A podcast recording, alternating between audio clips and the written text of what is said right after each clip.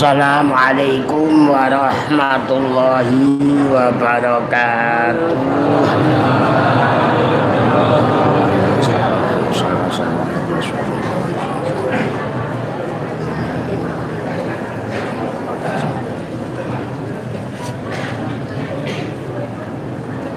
Al-Fatihah.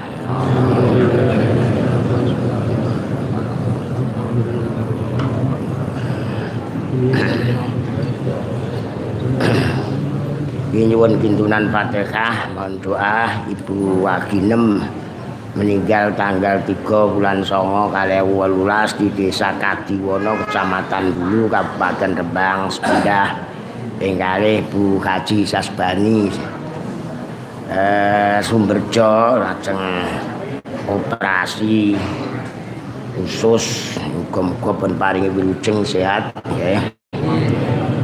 Al-Fatihah.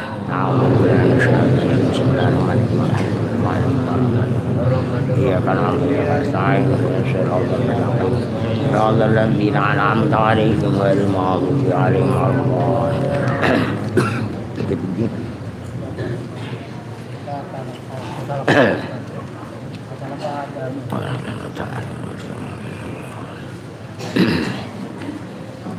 Ta'ala wa astagfirullah أعوذ بالله من الشيطان الرجيم. فتلقى آدم من ربه كلمات فتاب عليه. إنه هو التواب الرحيم iku sejarah Nabi Ibrahim ini sing panjang lebar ya bareng terus nalika pertama kali kula rak ampun nate ngomong ngeten pundi-pundi malaikat secara umum kalih kiai niku pinter pundi Nah, kula alasane sederhana utang guyon tok ana ae. mergo malaikat sak roh kula ora tau mondok. Oh, eh, malaikat mboten rasbak, mboten remik, eh, tapi wong ngerti kabeh muga pun diwarai Gusti Allah. Terus tekok lutut kalu subhanaka niku. Fatalaqqa mongko nampa. Sapa Adamu Nabi Adam? Nampa min rabbihi saking pangerane Nabi Adam. Nampa kalimatin ing pira-pira kalimah. Fataba mongko banjur nrimo tobat sapa Gusti Allah alaihi ing atase Nabi Adam terus taba niku lapal setunggal maknane kali berlawanan saged taba niku tobat wonge wong tobat kuwi taba Gusti Allah nampa tobat niku nggih tabah. Mboten kok Gusti Allah tobat dhateng Nabi Adam, Gusti Allah nampa tobat. Maula niku pangeran, Maula niku budak. Lah awake dhewe bisa didadosno macem-macem napa saged roh macem-macem nganti roh dhuwit barang. Malaikat mboten ngertos duwe sampean tongi mboten purun. Iso ning kubur digawakno sak koper perai. Terus ditampa tobat. Innahu setune Rabbi Allah Rabbahu huwa didobli ya Gusti Allah iku at-tawwabu zat kang akeh oleh nampa tobat. Eh nampa tobat ya ngapura wong nampa. Tur agung welas asihe. Pripun kemawon jenenge kapok. Cara Jawa niku wonten kapok jenenge kapok citho wonten kapok niku jenenge kapok lombok. Wareng niku wis didhawuhi iki lho ae pomo dipomo aja mbok cedak-cedaki. Digodha karo karo setan tapi ampun kok. Lho Nabi Adam kok iso digodhoni iki lakon. Hmm, cara jenengan wis gawe skenario. Ngarani Nabi Adam ora dosa ya ora entuk. Ngarani mboten nggih mboten pareng. Mok dosane kelase piyambak-piyambak Oh, jenengan kula pun sering damel contoh nek tese Joko. Oh, paling-paling wong ngelokno lho Joko kok ngluyur. Oh, mangke nek wis mundhak di bojo niku pun benten malih. Tuku napa-napa nggih ngoten. Kawitan wis pangan dhewe nek warung glak-glek. Nek wis mulai di bojo kepengin nggawa ndodok lawang. Nggih mboten. Notok lawang. Engko nek wis duwe anak, iku dhewe nek lunga-lunga iku ora tuku sego tuku plendungan bojone kaget kok tuku plendungan gak nukono kowe yang. Nukono anakmu. Putu dhewe nek menah sampean lunga-lunga ora eling putu rek nggih. Mboke wis parapatek tau pen Putune terus mbok embrengut kaya boyo. Lah dhisik rabi putu ra wis. Ora roh iki strom bahasane wonten strom. Nalika guru madrasah ya ora apa-apa urung dadi guru madrasah, ndelok bal-balan gundulan. Bareng wis dadi guru madrasah, sumuki. Darani sumuk lali ketu lho, kathek ketu ndak kacek napa le. Non, kula tau dilokno sumuki. Ono omah-omahe dhewe kok ora itu kudu ketunan terus. Hmm, sing rasa iku rak wong wedok. Gotong bayi dan semono suwene kuat kok. Hmm, ono ya dilakoni terus ya. ya Allah nggih. Niki niki cerita sangka Nabi Adam. Terus akhirnya wingi rak dosa lagi. Wong ngetil wah khuldi. Wa khuldi jenenge syajaratul khuld niku pungkasane cekakin cinarita Nabi Adam diusir setan nggih diusir terus tangisan eh wong Jawa ngarani tangisan Cina. Hmm, biyen nggih nak uripe nek swarga. Pramila kula ora ngomong oh nek donya kok emoh kalis ing sambikala kan mboten enten biasane kula kandhakno ning ngene nganten muga-muga kalis ing rubeda nir ing sambikala tambahi sambirata ora. Lho ning ngene dunya kok marekasa manu ya mboten ya aja urip ning alam. Dunya uripe ya kudu golek sing swarga. Dunya niku nggen rekasa kembiyen ten swarga terus Mbak Dewi ini diusir marah ning dunya. Ngoten lho nggih. Dados nek ana ndonga ngono ngoten niku kula maknani nek ana ana apa-apa gen sabar. Ngoten lho nggih. Kok terus kalis kira godhong lumbu. Hmm, biasane dinekno ning protokol nganten. Lah tak disiki ngoten kuwatir engko nek pas sing ngaji kiai diarani dongane ora mandi. Nek mboten kandhano dongane ngobos ra ngoten padha karo jenengan Iki upami kula ndonga muga-muga sing sregep Selasa Jumat diparingi rezeki melimpah ruah. Mangke wong iku upama kok amin. Nggih. Upama ndonga ngoten. Lah kula ndongane mboten ngoten jenengan milih pundi? Ngoten lho nggih. Mengenane kula kepethuk ngajian wonge mantep puluhan ewan luweh. Didongakno muga-muga panjang umur dan rezeki melimpah ruah. Kula kan ora patek cocok.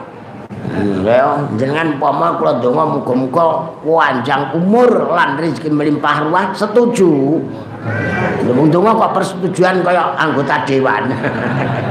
Pripun? Setuju? Lah kula ndongane mboten ngoten sing sregep ngaos kados jenengan muga-muga rezekine malah mboten melimpah ruah. Lho aneh lek. Mulane sesuk saya mangkel kali kula jenengan. Lho wonten ngenane wong mursyid tarika. Lah kula rak ngoten. Kok didongakno panjang umur ngono tok titik. Nek diparingi 700 tahun sang bertanggung jawab siapa? Wonge meneng ae ya kula tawak ngono ae. Nak diparingi rezeki melimpah ruah napa sami do ngaos ngeten? Mboten mbon bareng. Mboten ngaos. Nah leres ya eh, muga-muga rezekine tur mesti mandi kula niki muga-muga rezekine ora patek. Sampean diteni ya kapan-kapan. Cocok ya caiku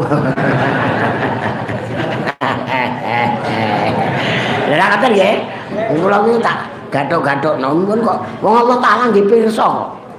Wong iki kepentengane mok ring ngene leteh ngono ae kok tak kei ngantek triliun. Iku terus la apa iki engko? Ora ngitang-ngitung. Ngoten niku dinikmati paringi nikmat Gusti Allah. Ngeten niku kok gadah mbako 50 hektar sedaya. Lho wis mulai pating srontet. Eh, iki jawabane. eh Allah nggih. ya ngoten nggih. Lah anake kembangno piyambak. Mohon. Iki lan Nabi Adam rumangsa dosa. Wonten hasanatul abrar sayyatul muqarrabin. Wonten dosa mimbabi hasanatil abrar. Apike pira-pira kaapiane wong sing kajuluk abror iku sayyatul muqarrabin dianggep eleke wong sing cinaket wae leh pun kula contohno wis diundang mbah kale diundang pak kale diundang om. Niku rak derajate benten nggih kadang-kadang wong dilokno iku malah tersinggung kok. Maune dereng guru madrasah bareng guru madrasah liya dina dilokno Lho kok mboten nggo ketut. Hmm, Pak, ngono iku wong emosi. Wong kula niku ora ketut kok dilokno. Lho, berarti derajate jenengan niku munggah. Ningen anu urung dilokno ndek jenengan tukang erek gobre ketoprak kok. Saat iki pun mulang madrasah, pramila ora ketunan. Dilingno berarti derajate munggah kok malah ngamuk. Oh, nak ora sing ala berarti kelas kelas biasa. Nggih mboten. Ngoten kadang-kadang mboten paham nak ora ngaji. Iki ngaji lumayan ngaji seminggu ping kalih ana sing miles pisan tok. Sampai kok tersinggung. aku milih sing kiai kaya nek warung ae. eh, lah Nabi Adam niki terus akhirnya jenenge tobat, ditampa tobaté dening Allah Subhanahu wa taala diparingi waosan wacan. Hmm, wacan-wacan niku lho. Ya cara jenengan entuk ijazah nggih. Nah, para ditobati supaya ditampa tobaté maca niki lho diparingi dening Allah taala Nabi Adam diparingi kalimah-kalimah sing kedah diwaos. Napa jenengan pun apal kok? Rabbi inni zalamtu nafsi zulman wala yaghfiru dzunuba illa anta faghfir li dzunubi.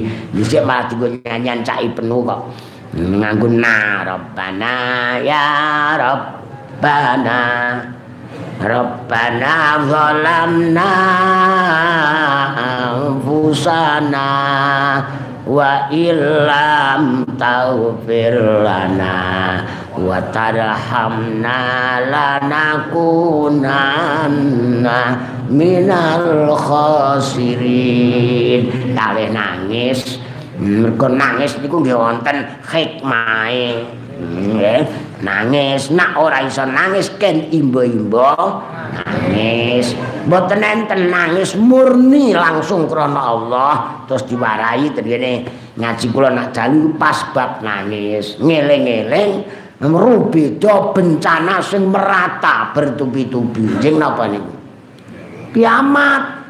Mboten enten kok kiamat kali sing rubeda Nabi-nabi mawon dipurugi sambat sedaya aku gak duwe hak, aku ora wani, aku duwe dosa. Dieling-eling nggih, nanten nabi aku duwe dosa mboten kaya dosane awake dhewe. Welinge wau-wau kelas apik kanggo abror, niki kanggo sing mukarrabin niku pun cacat.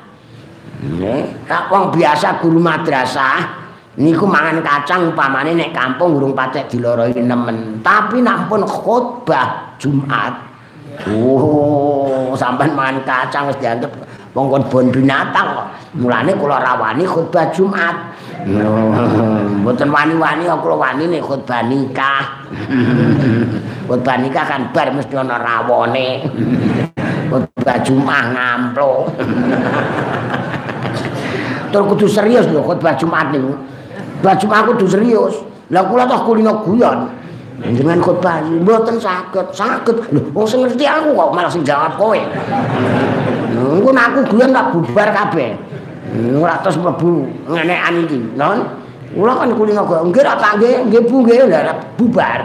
Nek khotbah ora mesti ndele Muhammadillah terus wah lagi kok lali astagfirullah. Langsung sadet angka tungkal bar nek khotbah Jumat apa dadi perkara non Lama khotbah Jumat nggih orang sing nyekli ngene pas angin kanane ceblok bingung. Jadi iki wacanane Bu dimaknani. Rabbi duh pangeran dalem. Eh Rabbi niku saged nganggo ya. Niki wonten ya Rabbi ya e dibucal ten Quran punaten Yusuf arid an hadza. Iki punata undang-undang saged wonten ya e saged diwaca kasrah diwaca fathah tanpa ya tanpa ya e diwaca fathah saged. Hmm, niku ini ana wong maca niku ya Rabbi bil Mustafa mboten ngoten ya ilang milih dicocokno sing pas niku. Ya Rabbi bil Mustafa mergo sing nganggoku omahku pakaianku niku wonten ya jenenge ya mutakalim. Niki ra enten Rabbi atau ya Rabbi sholli ya Rabbi. Ora cocok.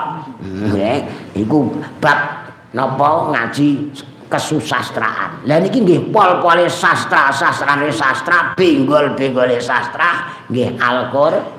Al-Qur'an ku abtadul imlan sunnatul aliyah ustadzil Allah barakatuh ada ma anahu anahu wa ula ah kabeh. Kaya burdah niku mburine rak mi kabeh nggih. Mi. Mamdadak kuri tirani bizi salam Sajam anjara memuklatin bidami. Amma batir reku min tilka ika bimatin wa umadhal barku fidhal maimin bidami. Famali aina ka ingkul takbu faham atau mali qalbi ka ingkul tastafi yahimi ayah sabu sabu annal khubba mungkati mumabaina mun saji memen huwa laulal hawa lam turib tab anala tola liwala arab tali dikri bal. Apal betul apalan kula akeh. Nggo nggo nurokno bojo. Hmm. oh saiki bahaya. Nek di apalan ngono bahaya. No itu iku sume saiki online. Hmm. nek diwaca ngono kan terus keturun. Lho online iku nggih dienggo dalil nak sakniki online wae iso. Ngertos online Bu? Ora cuma ngertos sing marai online nggih sampeyan iku sing kopi sing lanang. Eh Lha online wae iso kok ana ganjaran tahlil kok ora tekan nggone guyono wong mboten. Tapi ora usah ngelokno wong. Wong online picat-picat kok kamar iku tuku napa mawon dugi mboten. Teko mboten. Mok kadang-kadang ana telate mergo nak online blonjo sing ngeterno uang uang iku ya ana kesel sopir ana kesel ana ngelak ana ngorong ana ngantuk Online kok ora teko-teko mergo supire ngantuk istirahat. Online ora teko mergo supire ngowak. Lah supire ngantuk terus tuku kopi. Bakule kopi kopi pangkon. Lho, bakule udo. Ora mulai-mulai. Hmm, telat. Lah Allah taala utusane sing jenenge malaikat ku mboten dipasang kaya sopir donya. Oh, dhewe mulane malaikat mboten nate macet. Kula ngene macet ten ngene kunduran niku. Cet macet cet. Bojoku tak kirim macet nganggo D. Kok pakai D? Mergo macete tenanan. Macet nganggo. Mbantah lho. Nek macet sithik ada nganggo T macet.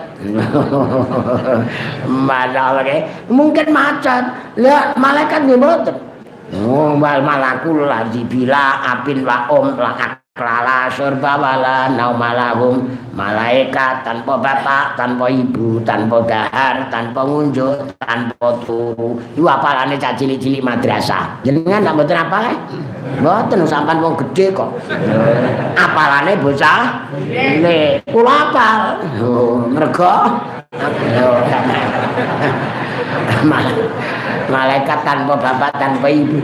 Lalu bapak ibu mungkin ana takdir rak maca Hmm, takdir telat jabut Jawa, mergo malaikate mudik.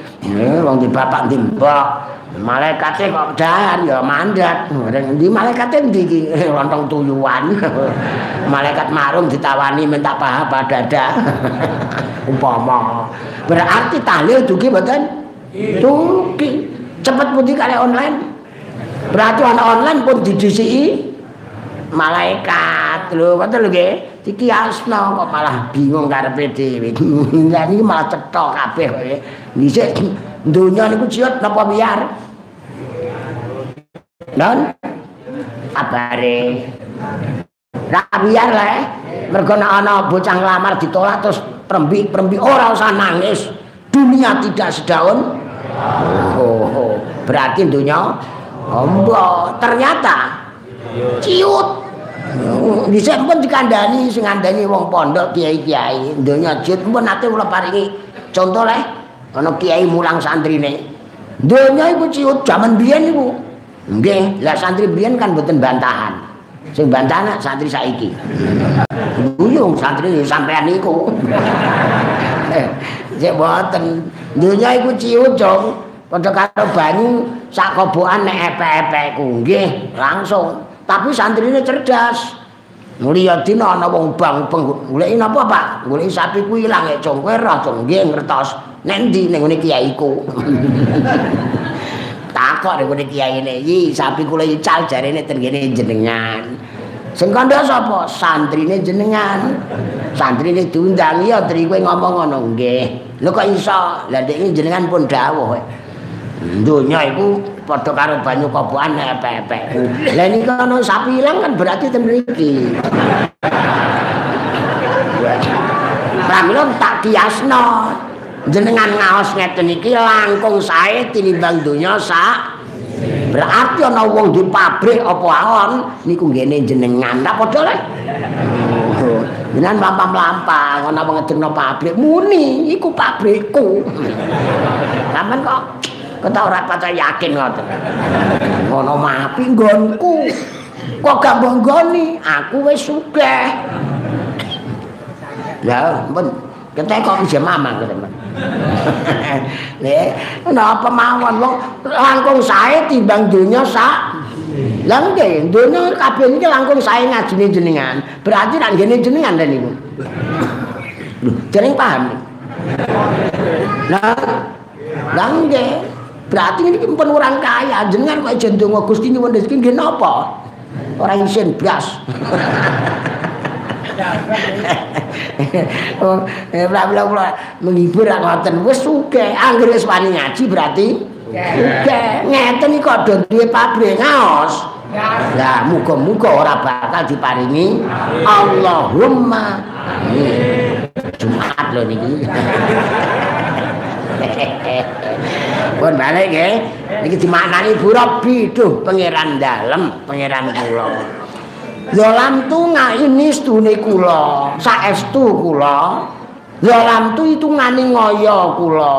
Ngani ngoyo niku Dolim Mbah Khalil nak manani ngawuri kula. Nafsi ing awak kula dhewe zulman kelawan ngani ngoyo kabiron kang gedhe. Wong kula pun panjenengan penggak jogra-ogra ini iki kok kula katut. Geling-eling nggih. Nggih. Lah setan iku ada yang menjelma manusia. Wonten sing jenenge dadi nafsu hati-hati eling sejarah Bal'am bin Ba'urah Ya gra-gra iku ndongakno. Mbak Bisri nak nerangno niku nggih. Dadi kana gra-gra iku ndongakno Nabi Musa. Eh Pak Mbah Balam, Musa iku sampean ndongakno agen. Kena apa? Le Nabi kok ndongakno iku Nabi iku. Goblok piye? Ora kualat. Ora kecekel sing lanang kiai lewat garwane kiai. Hati-hati lho nggih. Nggih. Malah ditatar terus bojo. Sing lanang ora doyan duwe. doyan online. Ngeten nambah Bu, nyai iki saged nggo online kok Bu. Mikir apik Bu ana barang ngene dipicet semetu. Eh iya rego pira iku? Mun beres garwane mawon mangke kendungakno Nabi Musa. Oh iya gampang iku. Oh gitu iku gampang. Wong lanang kandhane wong lanang angel. Kandhane wong wedok metu lomane kok. Mlaku-mlaku kok ngaji lah pedhok wedok tawani. Nyate piye iku? nyate duit cumpon ae. eh, iku akhire balam kecekel iku. Kecekel lewat. Eh, ndut lewat sinten? Ya istrine. Ya terus kan kan dongakno. Eh, Wah, mau dikei apa-apa? Aku ora nampa. sing mbok pangan mau dikeki lewat aku pripun jajal hmm, langsung praktek Nabi Musa kena mergo Balaam zaman semanten diparingi Ismul Adzam Ismul Adzam niku saunine kasir oh Nabi Musa lang-lang nek gone. Teh niku dengan apa? Cara Jawa ngrangkai ngrangkai ayat mimang. Sampean kok ora wong kuno ora wong buri ayat mimang kok selalu lha nggih. Wong Jawa ngarani nglangkai ayat. Rono ketemu neh, rono ketemu neh. Terus parani malaikat, kowe dongakno wong iki Langsung niku balap dia malah dipidatoni sing wedok. Engko tobat ra iso iki, tobat wong Gusti Allah ya jembar tobate. Katut, hati-hati lho, nggih. Nggih. Hmm, setan itu tukang pidato lho. Hmm. Ghafur Rahim Gusti Allah agung pangapurane. Tawwabur Rahim Allah taala agung mulai maringi tobat nopo kapok praktek lho wis di skenario ke balaan itu iso miber santrine begedat ewon duwe khimar sing biasa dienggo ndonga ten kene tempat tertentu kok ten kene tarikon kira ana kotak tertentu nggih? Nggo khalwatan niku nggo nyepi. Ndonga nggo munajat niku. Wah teklek teklek khimar ku ndeprak ngantek Ki Marjo omongi Mbak Bisri nak meragakno sabut ngadep Ki Mar goblok. Mbak Bisri nak nyontokno terus Ki Mare ngomong kowe ora roh nek ngarep kuwi kono malaikat sing gedhe menguntal kowe uh, akhirnya meh tobat ilate dilelak dilolos naudzubillah men mestine husnul khotimah dadi syukur oh niku proses hati-hati iki Hmm, zaman-zaman kadang-kadang dilingno kanca. Duit sakmono, eh, duit sakmono piye? Nak ping pangping pangping ora ana siji pingno kok pangping ae. Hmm, ditatar ngaos mugen ngoten. Nepsu lembut, nepsu setan. Bapak ngantek wis di Bodan iku burdah iku lho kuwi apalane burdah. Man manli birat dijima kin min ghawayatiha. Ya nggih. kama yuradu jima kul khaili bil lujumi fala tarum bil ma'a si kasra syahwatiha inna ta'ama yuqaw wi syahwatan nahimi wong-wong sak sok ngoten maksiat tak tuntas le seminggu neh. Bar aku tak ora. Bohong. Pendapat tadi nggih mboten enten maksiat dipateni nganggo maksiat. Mateni geni kok digebyur kali. Bensin. Rupane padha kali banyu tapi mboten padha hmm, aku tak maksiat tak tutup-tutup nek pumpung jenem nice tua aku tak prei oh tua prei wong kowe ndeprok kan hmm, iku mboten padha niku karo wong tobat Wadah dene setan plan mangan tak polne. Mboten ngerti nak mangan niku nguatno syahwat. Tapi nggak sebaliknya, dingelai belum tentu saya. Waret belum tentu saya, ngeleh. Oh, oke. Okay. Nunggu orang ngerti nak racun itu manggon nih nih lazat nih. Wasat dasa isa minju enwamin sibai faruba mahmasotin syarrun minat tukhami. Oke. Ojo ketipu, ojo ngantek ketipu karo tipuan sing samar rupane warek kale ngeleh warek kale ngeleh iku tipuan samar niku ngeleh niku luwih jelek tinimbang warek gayane ya tirakat poso aku. Wah kenemenen. Terus geblak deh. Ngono pitik liwat disaut. Oke, sing apik sedang-sedang saja. Ngaji nggih sedengan. Iki ketewe sedengan iki. Ini ketungane dereng dimaknani ya pun nyalap barokah Mbak Bisri kok nggih. Zalam tu dulman kabiron. Ngawur, ngawur iku definisine meletakkan sesuatu tidak pada tempatnya. Ampun lah mangke dikira-kira dhewe. Ana pitik diprangkringno nek ndas. Zalim mboten? Zalim. Pepet duit akeh, cewek nguyo esuk nganggo kopi mongah-mongah. Zalim. Wah, iki udan angin cagen anget. Lah jebol. eh, nggih, wong Islam mboten salat. Zalim ngawur. Eh, Islam mode Islam ora rukun. Eh. Non? nah, dia kula iki ngruwak-ngruwakno tok. Ora tau roh hmm, berita-berita ngono aniku. Eh, masyaallah ngono. Kenapa orang Islam tidak bisa bersatu? Loh, sing sampean ngomong ngono iku sadar ta ora? Kenapa? Ora kenapa apa? Ya ora bersatu ya lapor Gusti Allah kono to. Wong Gusti Allah sing ngrukunna, sing gabungna, sing ora gabungna sinten? Walau sya'a rabbuka la ja'alan nas ummatan wahidatan. Sekiranya Tuhanmu Muhammad menghendaki mongko menungso sak ngalam donya didadekno siji. Kok ora dadi siji berarti tidak dikehendaki kok gembar-gembar terus main duwong. Wangel dikumpulno itu. Gusti Allah sing iso ngumpulno Allah apa bainakul bi. Wong mboten saged. Ora ngoten nggih. Wong tukang pidatone apik wis lah pidato tek dipendem nek jero tek sapa ae. Mun ah praktek nek ora ndonga mboten Gusti Allah ngersake niku mboten saged. Laras. Hmm, saiki nek pidato winginane dipilih kula wae ora katut sing 200 iku kok.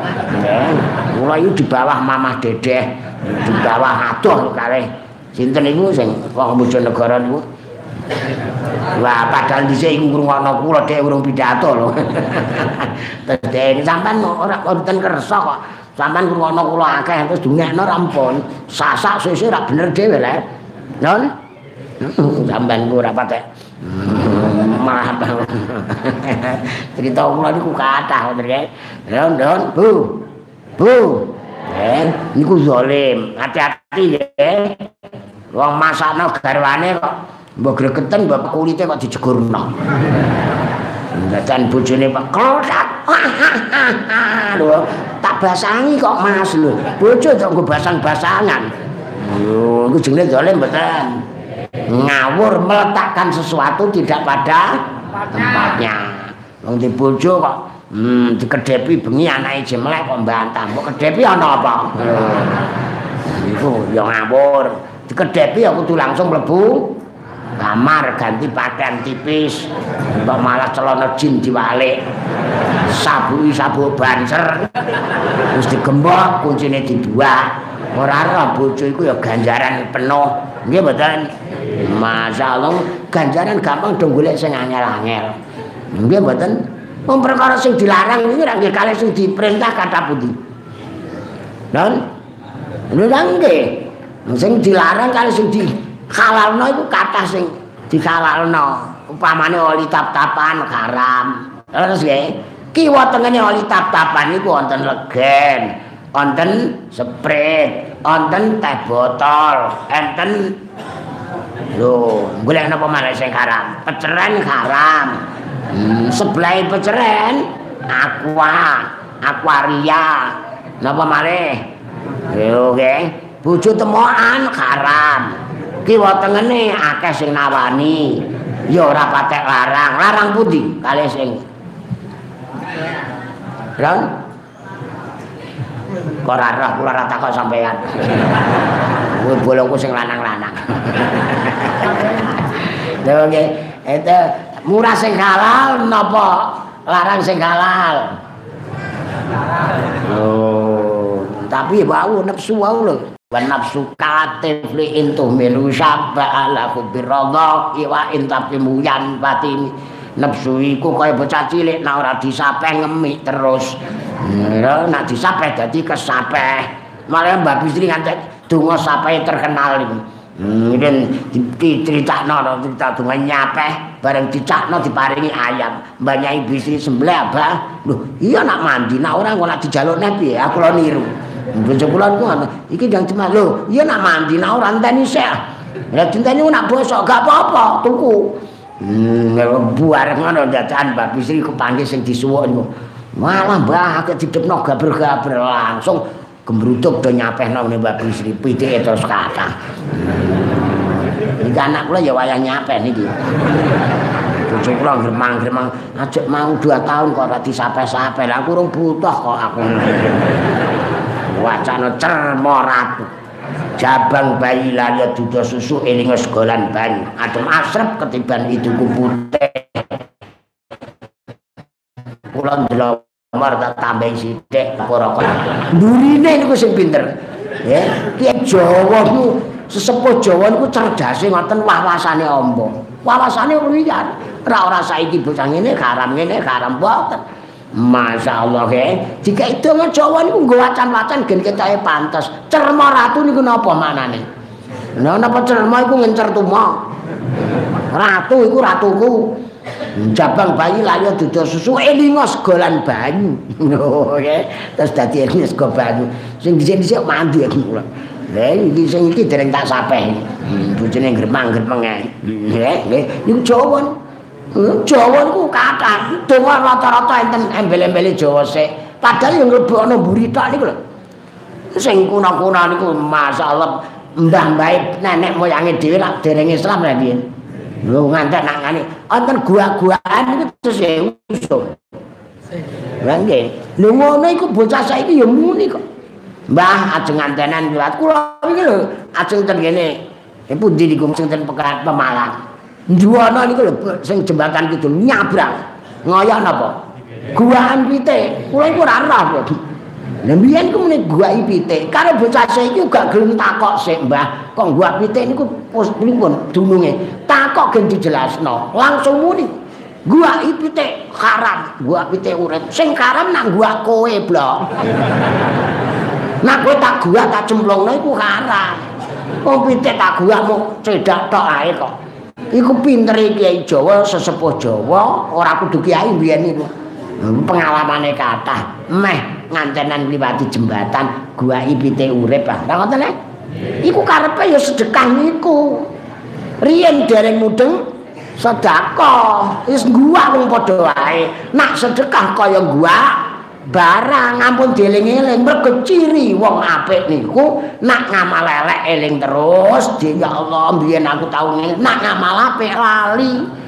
Nak urusan donya nyawang sak ngandape. Nak urusan akhirat mat eh mak urusan agama nyawang sak ning niku tandane wong wong wong bejo sak ada. Berarti waliane cilaka ampun biji wong kangge ati-ati awake. Dhewe ra sosok ngono rek. Ngame jumatan delok. Iku dhisik kok nggonku lho gendeng pojok iku. Yo. Lah dadan sing dijak omong gendeng wis pecah suwe dijoli ya wis diganti panitia. Lho nek enek.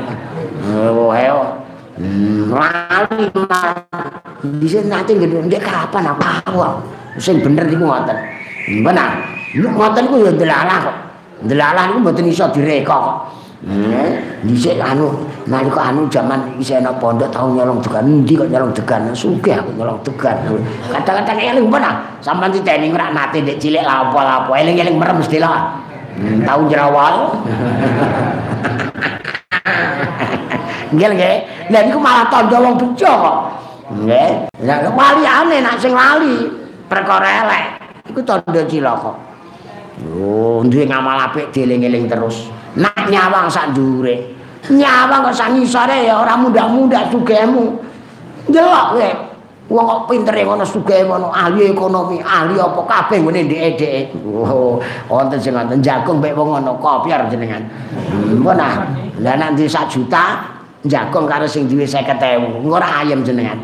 Masya Allah, saya ketua nyandak pura, sabar di ceki pas kipas, itu sangat atau sangat. Nggak. Ini kan pas kabeh nih, masuk akal sedoyo. Jangan kan jagung mau ngajini selasa Jumat kan jagung karo sing duwe pabrik. Iki mundak semene rega semene. Jenengan ajeng cerita napa wong ora apa-apa. Malah komang malah cerita karo bojone Dik. Jebulan iki regane semene mobil regan cangkemmu iku ngrembug apa? Ora gablek aku ae ngrembug ae blonjo. Ngoceh ae. Terus akhirnya bojone nak masjid terus. Ora tau wani mulai. Mungkin ta ya dilem wong wong kok ning masjid terus cah besok mlebu swargane ra cepet sing kancane aja ngono sih nek masjid kula apa cek? Kowe roh. Lha apa? Ora wani mulai. Bojone galak kaya barongan. Ya Allah ya teliti wong kula gua picek iku gen kaya gua wis ora eling. Ra nggih. Jare marakani danyang. Apa danyang omahe ngisor jembatan apa danyange garangan? Malah doyo-doyoan kepengin gua. Koma wis sangu pitike ditaleni sikile curno sithik tarik nek. Ngono ana danyang teko aku undang goceke ndase. Lho ora tuntunan sae le.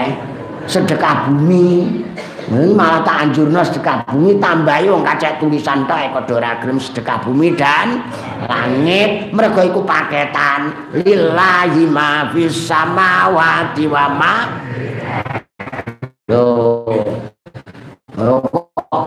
Cah cilik-cilik ya do nyanyi kita wajib syukur pada Tuhan kami Tuhan yang mengatur langit serta Hmm, jangan mesti mboten apa. Sampan muni, sampan kudu jawab, aku gede apa kena apa. Eh, yang langit niku nah. Hmm, gitu loh dan kalau sampai aneh, ora wis lumayan ya gelem usul.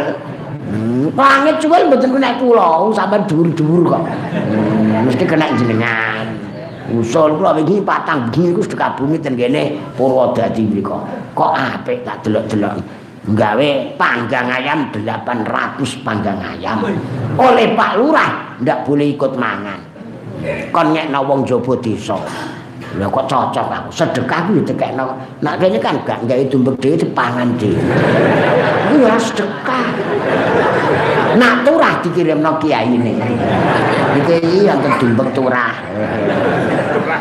Sing sebelah malah malah 5000 anggang ayam. Yo ngenakno bakule iso payu kok cocok. Hmm, masalah panggang ayam semono ora entuk mangan. Nek kene ra ora diblester ngono to. Padha karo ana wong diteri korban wedhus siji. Kiai nek desa omahe langgar ban nggih kiai nek ndi apa-apa kaya wedhus blok. Ana dimakane nak. Ana beras ana kayune ana bumbune. Wis karek masak. Hmm, iku iso dijaluk engko sikile mburi loro kanggo aku lho ya. Ndase kanggo aku. Kiai nek muni lha besok ora iso mlaku wedhus.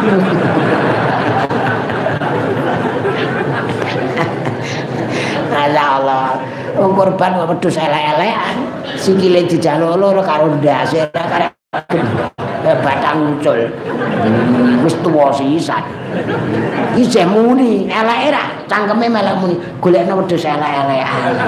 Nah terus digolekno wedhus sing bar jenggo. Karnapalan niku lho wedhus elek-elekan. Ya Allah kula niku ngrungokno kok saya dodol saya dodol ini malaikat pasang nafsu harus gecek kowe ya Allah ke ampun ngoten golekno sing apik sing gagah sing lemu kula pun cerita eh. sing dedak ini bojo kula tak tukok wedhus wedok iki anak lanang bojo kula iki ya kadang-kadang ya bener di bojo bantahan ku enak nek ora bantahan malah kacau Hmm, dek engko mangan kethu ya. Iya. Ya pakanane kethu suwe-suwe. Golek sing uang, uang ya bantah barang. Anakku cilik lanang mbak tamboke tak lirik tok ae. Ayo salat. Saya kan masih kecil, belum wajib. Iku entuk krungu kondi, cilik dolane ning pondok krungu cah gede-gede wis. Terus mboke rawani rawani ngongkon. Jajal bapake kon rayu, lah bapak kok ngrayu lah apa? Ngrayu ngrayu kowe. Delok tak cilik ya seneng. Eh, bahasa Jawanya apa? Enak lho, Lek. Sampeyan anake gede-gede greget notok sampeyan. Anak kula cilik-cilik kemlucu, non. Ana wong teko Wayai carane didik anak niku pripun nggih? Anak kula kok beling mboten roh. Wong anakku jek cilik-cilik ora tak didik tak colno blok. Takok sing anake tuwa-tuwa. Bareng takok anakku dhewe yang gregetno. eh, dadi tinggal ngaji ana omah mergo digregetno anake. Mbon kok terus ra ngaji-ngaji ki piye iki? Nggih. Walayang biru lan ora bakal saged ngapunten azunuba ing pira-pira dosa illa anta kejawi namung panjenengan ngoten niku jenenge prabot hasr napa berarti ndak ada yang mampu ngapura dosa kejaba Gusti Allah biyen niku nak pacar pating rengeng-rengeng Allah Allah kula nyuwun ngapura. Biyen nak dereng saged cara Arab nggih? Jawa. Sekataing dosa kula. Kok enak? Speaker eli-eli kok dosa ingkang agung kelawan ingkang alih boten wonten ingkang saged ngapura. Liyane kang aku. Dikai ngono ana luke kaya perkutut.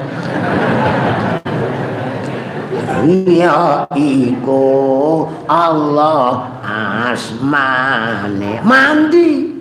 Ora kok kudu bahasa Arab mergo wong Jawa Jawa wingi 17 Agustus kula pidato ten Malang ana bahasa Inggris dan tak lono. Saya tersinggung karena saya cinta tanah air. Wong aku nak nyanyi satu nusa satu satu berarti bahasa apa? Ya Pak anake dadi warga Inggris kula apa? Eh, dengan kopior karo kula. Piye cah iku? Lah jujur mawon dan nyanyi niku nggih napa? Non? Satu bahasa berarti bahasa rambutan enten Inggris dan. Lah iya. Oh. Bocah tak kongkon jipono kunci sing mengomingkem muni kunci Inggris. Aja dibaleni neh. Kudu kunci Indonesia. Oh. Iki cinta. Ten kitab wonten. kemerdekaan itu al-hurriyatu hibatun minal khaliqi lil makhluk yusarrifu fi ma ya'udu ala nafsi wa ala ghairi bisa wal khair. Dianggap ora apa laku nerangno kemerdekaan ndak. Aku angge kritik sorak-sorak bergembira itu kok mesti sing nyanyi kok bocah cilik SD setahu saya lho pernah dan upacara pakai sorak-sorak? Ra mboten eh, eh tak cocok-cocok nang sorak-sorak bergembira bergembira lho ku sing pantes ra SD lagi cak SD nyanyi ku pantas sorak-sorak sorak cak cilik-cilik bergembira bergembira semua wong mangkat terus donggo sangu sing nyangoni mboke jajal umpama niki anggota Selasa Jumat tak jak nyanyi bareng engko ora ana sing ramuni ora ora bergembira semua ana sing ramuni ora ngrasakno utangku jaga kamu cak gembira. Ayo. Bebas negeri kita. Uangnya orang tak tambahi wono sing merdeka Indonesia nih uangnya orang merdeka bisa kudu tukaran berarti orang merdeka. Bisa dijajah kok ada dawe kiai ini dewi. Ini abad ngotos yang boleh menjajah kita adalah namun Gusti Allah giling-giling ya Gusti Allah sing namung jajah awake dhewe. Niku kok awake dhewe dijajah. Oh, macam-macam kula mboten wani ngomong ndak sampean ono ini. duwe iki dijajah iki, duwe iki. Terus nggih. Nah niku di iki kebenaran peringatan 17 Agustus wis merdeka 70 tiga ngantek dihitung Indonesia niku hurufnya pinten? Berapa dan? Indonesia hurufnya berapa? Ki wong Indonesia apa mboten? Nah ora metu. Nek Indonesia kok mau Pancasila, mau Pancasila ya metu golek negara sing mboten enten Pancasilane. Kula mlebu warung khusus rawon. Lah kula menjero golek pecel kembang turi, ora ana lho kok ngamuk. Itu keplaki wong akeh. Eh nak ngono tak ngaleh. Nek ngoten nggih. Kula titip kethu. Eh bareng titip kethu panasuka iki kethune kecilin kok ndasku sing tak prekol. Golek kethu sing gedhe. Nek ngoten nggih. Masya Allah iku piye kok Yesus ben jenenge aliran aku lha iki bareng kali Kiai Said Agil Sirat ten ngene tambak beras hol Kiai Rais Akbar Mbah. Hmm, dari Kiai Said nak kula mboten aliran jek kurang akeh. Dawuh Kanjeng Nabi Islam pecah dadi pinten kabare? Oh, isek mun pinten? Hitung kan? Menang sal pinten iki? Ndang dong gawe tanggone hiburan. Eh, enak-enak ya. Men kersane dunya kok sampean ngantek gedhutu lan apa. Nggih niki dongane ngoten. Dieling-eling Bu, cinta tanah bagian dari iman. Kula mboten nglarang bahasa Inggris lho nggih. Iso ana sing salah paham. Wong sirim Mbak Bisri wae orang larang bahasa Inggris, bahasa Jerman. Lho. Mbak Bisri sing dawuh, silakan berarti entuk le. Nah, kula kan mboten aja dienggo kebanggaan nek omahe dhewe. Mbak ora iso ngomong kok cara Inggris. Wah, ngomong ngomong. Iki ae blora kula ana tak SMS jawab bahasa Inggris. Lah aku ora kalah pinter untuk bojo sekolahan. Apa artinya yang? Langsung tak balesi bahasa Arab kopior ora kowe ya. Bari putus kula ngaji kok tak takoki. Sampeyan kejebule kuliah ta? Apa titele? Guyan-guyu. SAG alah, alah SAG iku sing bener pondok lek sarjana alam gaib aku. Kan? Sarjana alam gaib SPD ini. Ini Pak, iya. Pak polisi mantu, besan besan tes ya kabeh. SPD kabeh, NPD kabeh. Lah aku mana apa? Lah aku tak imbangi S ya. Napa? Senang humor. SPD, napa? Selalu percaya diri. MPD napa? Kan? Ya memang percaya diri. Ora percaya diri ora ada cara. Bon eh, balik di udan saya. Niku bahasa merdeka ngono tok. Oh, sing masang gendera nganggo cagak pikulan suket kok. Lha kula ngomong mergo bapak kula malah perang. Oh, bedil dan sangkur siap bertempur siap tanah. Saiki ora menangi. Cucu kok karek muni. Nggih, hormat gendera karam. Tak kon muni ngono tanggal 17 tak jaring alon-alon gak wani. Ayo tak teremuni yo. Moh, ora pecah ndasku. Malam kan sareng kali jamaah Albisriani mboten kene makom kono keluar kene masuk. Mau kono ana bedil kene gak, kene udut. Oke. Iku urip ning Indonesia inu inu. Sampeyan delok jam ta mboten iki jame ra cocok. Mun donga iki dirembuk sing di manani Pak Firli mugi kersa ngapunten panjenengan li dateng kula zunubi ing dosa-dosa kula. Bapak Adam, wong kuna nyebut bapak, nggih, non. Non. Bapak mboten bapak. Bapak Adam niku bahasa mbiyen ngertos nggih. Ya padha maknane. Padha karo biar ora mara Indonesia golek wong salat ora ana sing wonten sembahyang padahal salat padha. Ndekne ngerti piye iki aku kon mara rene. Ratu Syekh guru besar. Ning Indonesia sampean semanten mboten enten muni julukan kados Syekh sing ana Syekh lor, Syekh kidul. Kopior meneh dhek. Non ora ana musala sing ana langgar. Padahal padha musala kalih anggar. Hadratus Syekh ora ana sing mulang niku apa jenenge kiai. Ya wis, bareng kiai krungu-krungu. Liya dina kok kiai kok ora wong tok. Hmm, ana kiai pleret, ana kiai slamet, ana kiai Dan naga sastra bingung meneh. Lho kuwi enake ning ngene Jawa iki. Wong Arab Jawa iso ngarapno wong Arab. Jawano, sing tidak kaji tak kok ya. Wong ngaji ra dong gremeng. Ngajine jemo ngono. Lah kok kon piye? Kan lah kan wis ana ora ora ora. Iki dah. Insyaallah, insyaallah.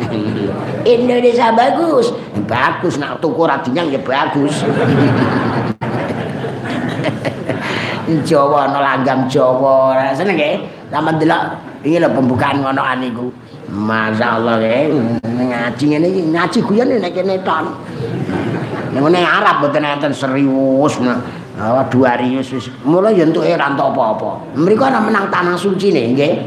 Mboten enten tanah suci leteh ora ana. Hmm, ya iki tak maknani kula dekat bumi ning keso leteh niku. Oh.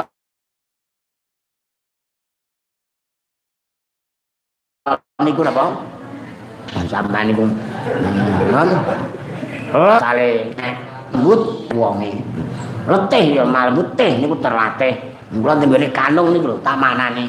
Dukuh kanung iku maknane asline kawula sing dunung. Oh, sae niku sae tak manani aku. kawula sing dunung. Nah ora dunung aja manggon kene. Oh, tak manani ora apik ya iso. Kanung. Ana keso ora kok dekekes tapi krasa. Nggih nek kasih sing maha kuwasa tralo iku tarallah mergo ihsan iman ihsan ihsan. Iki ihsan iku nyawang Gusti Allah. Nek ora iso ketok kaya-kaya diawasi Gusti Allah. Wong Jawa ora iso muni tarallah dadi tralo kurang piye non cocok Lah sing ana sithik tempel. Lah kok ana tempel mergo sambungan nganggo pentil.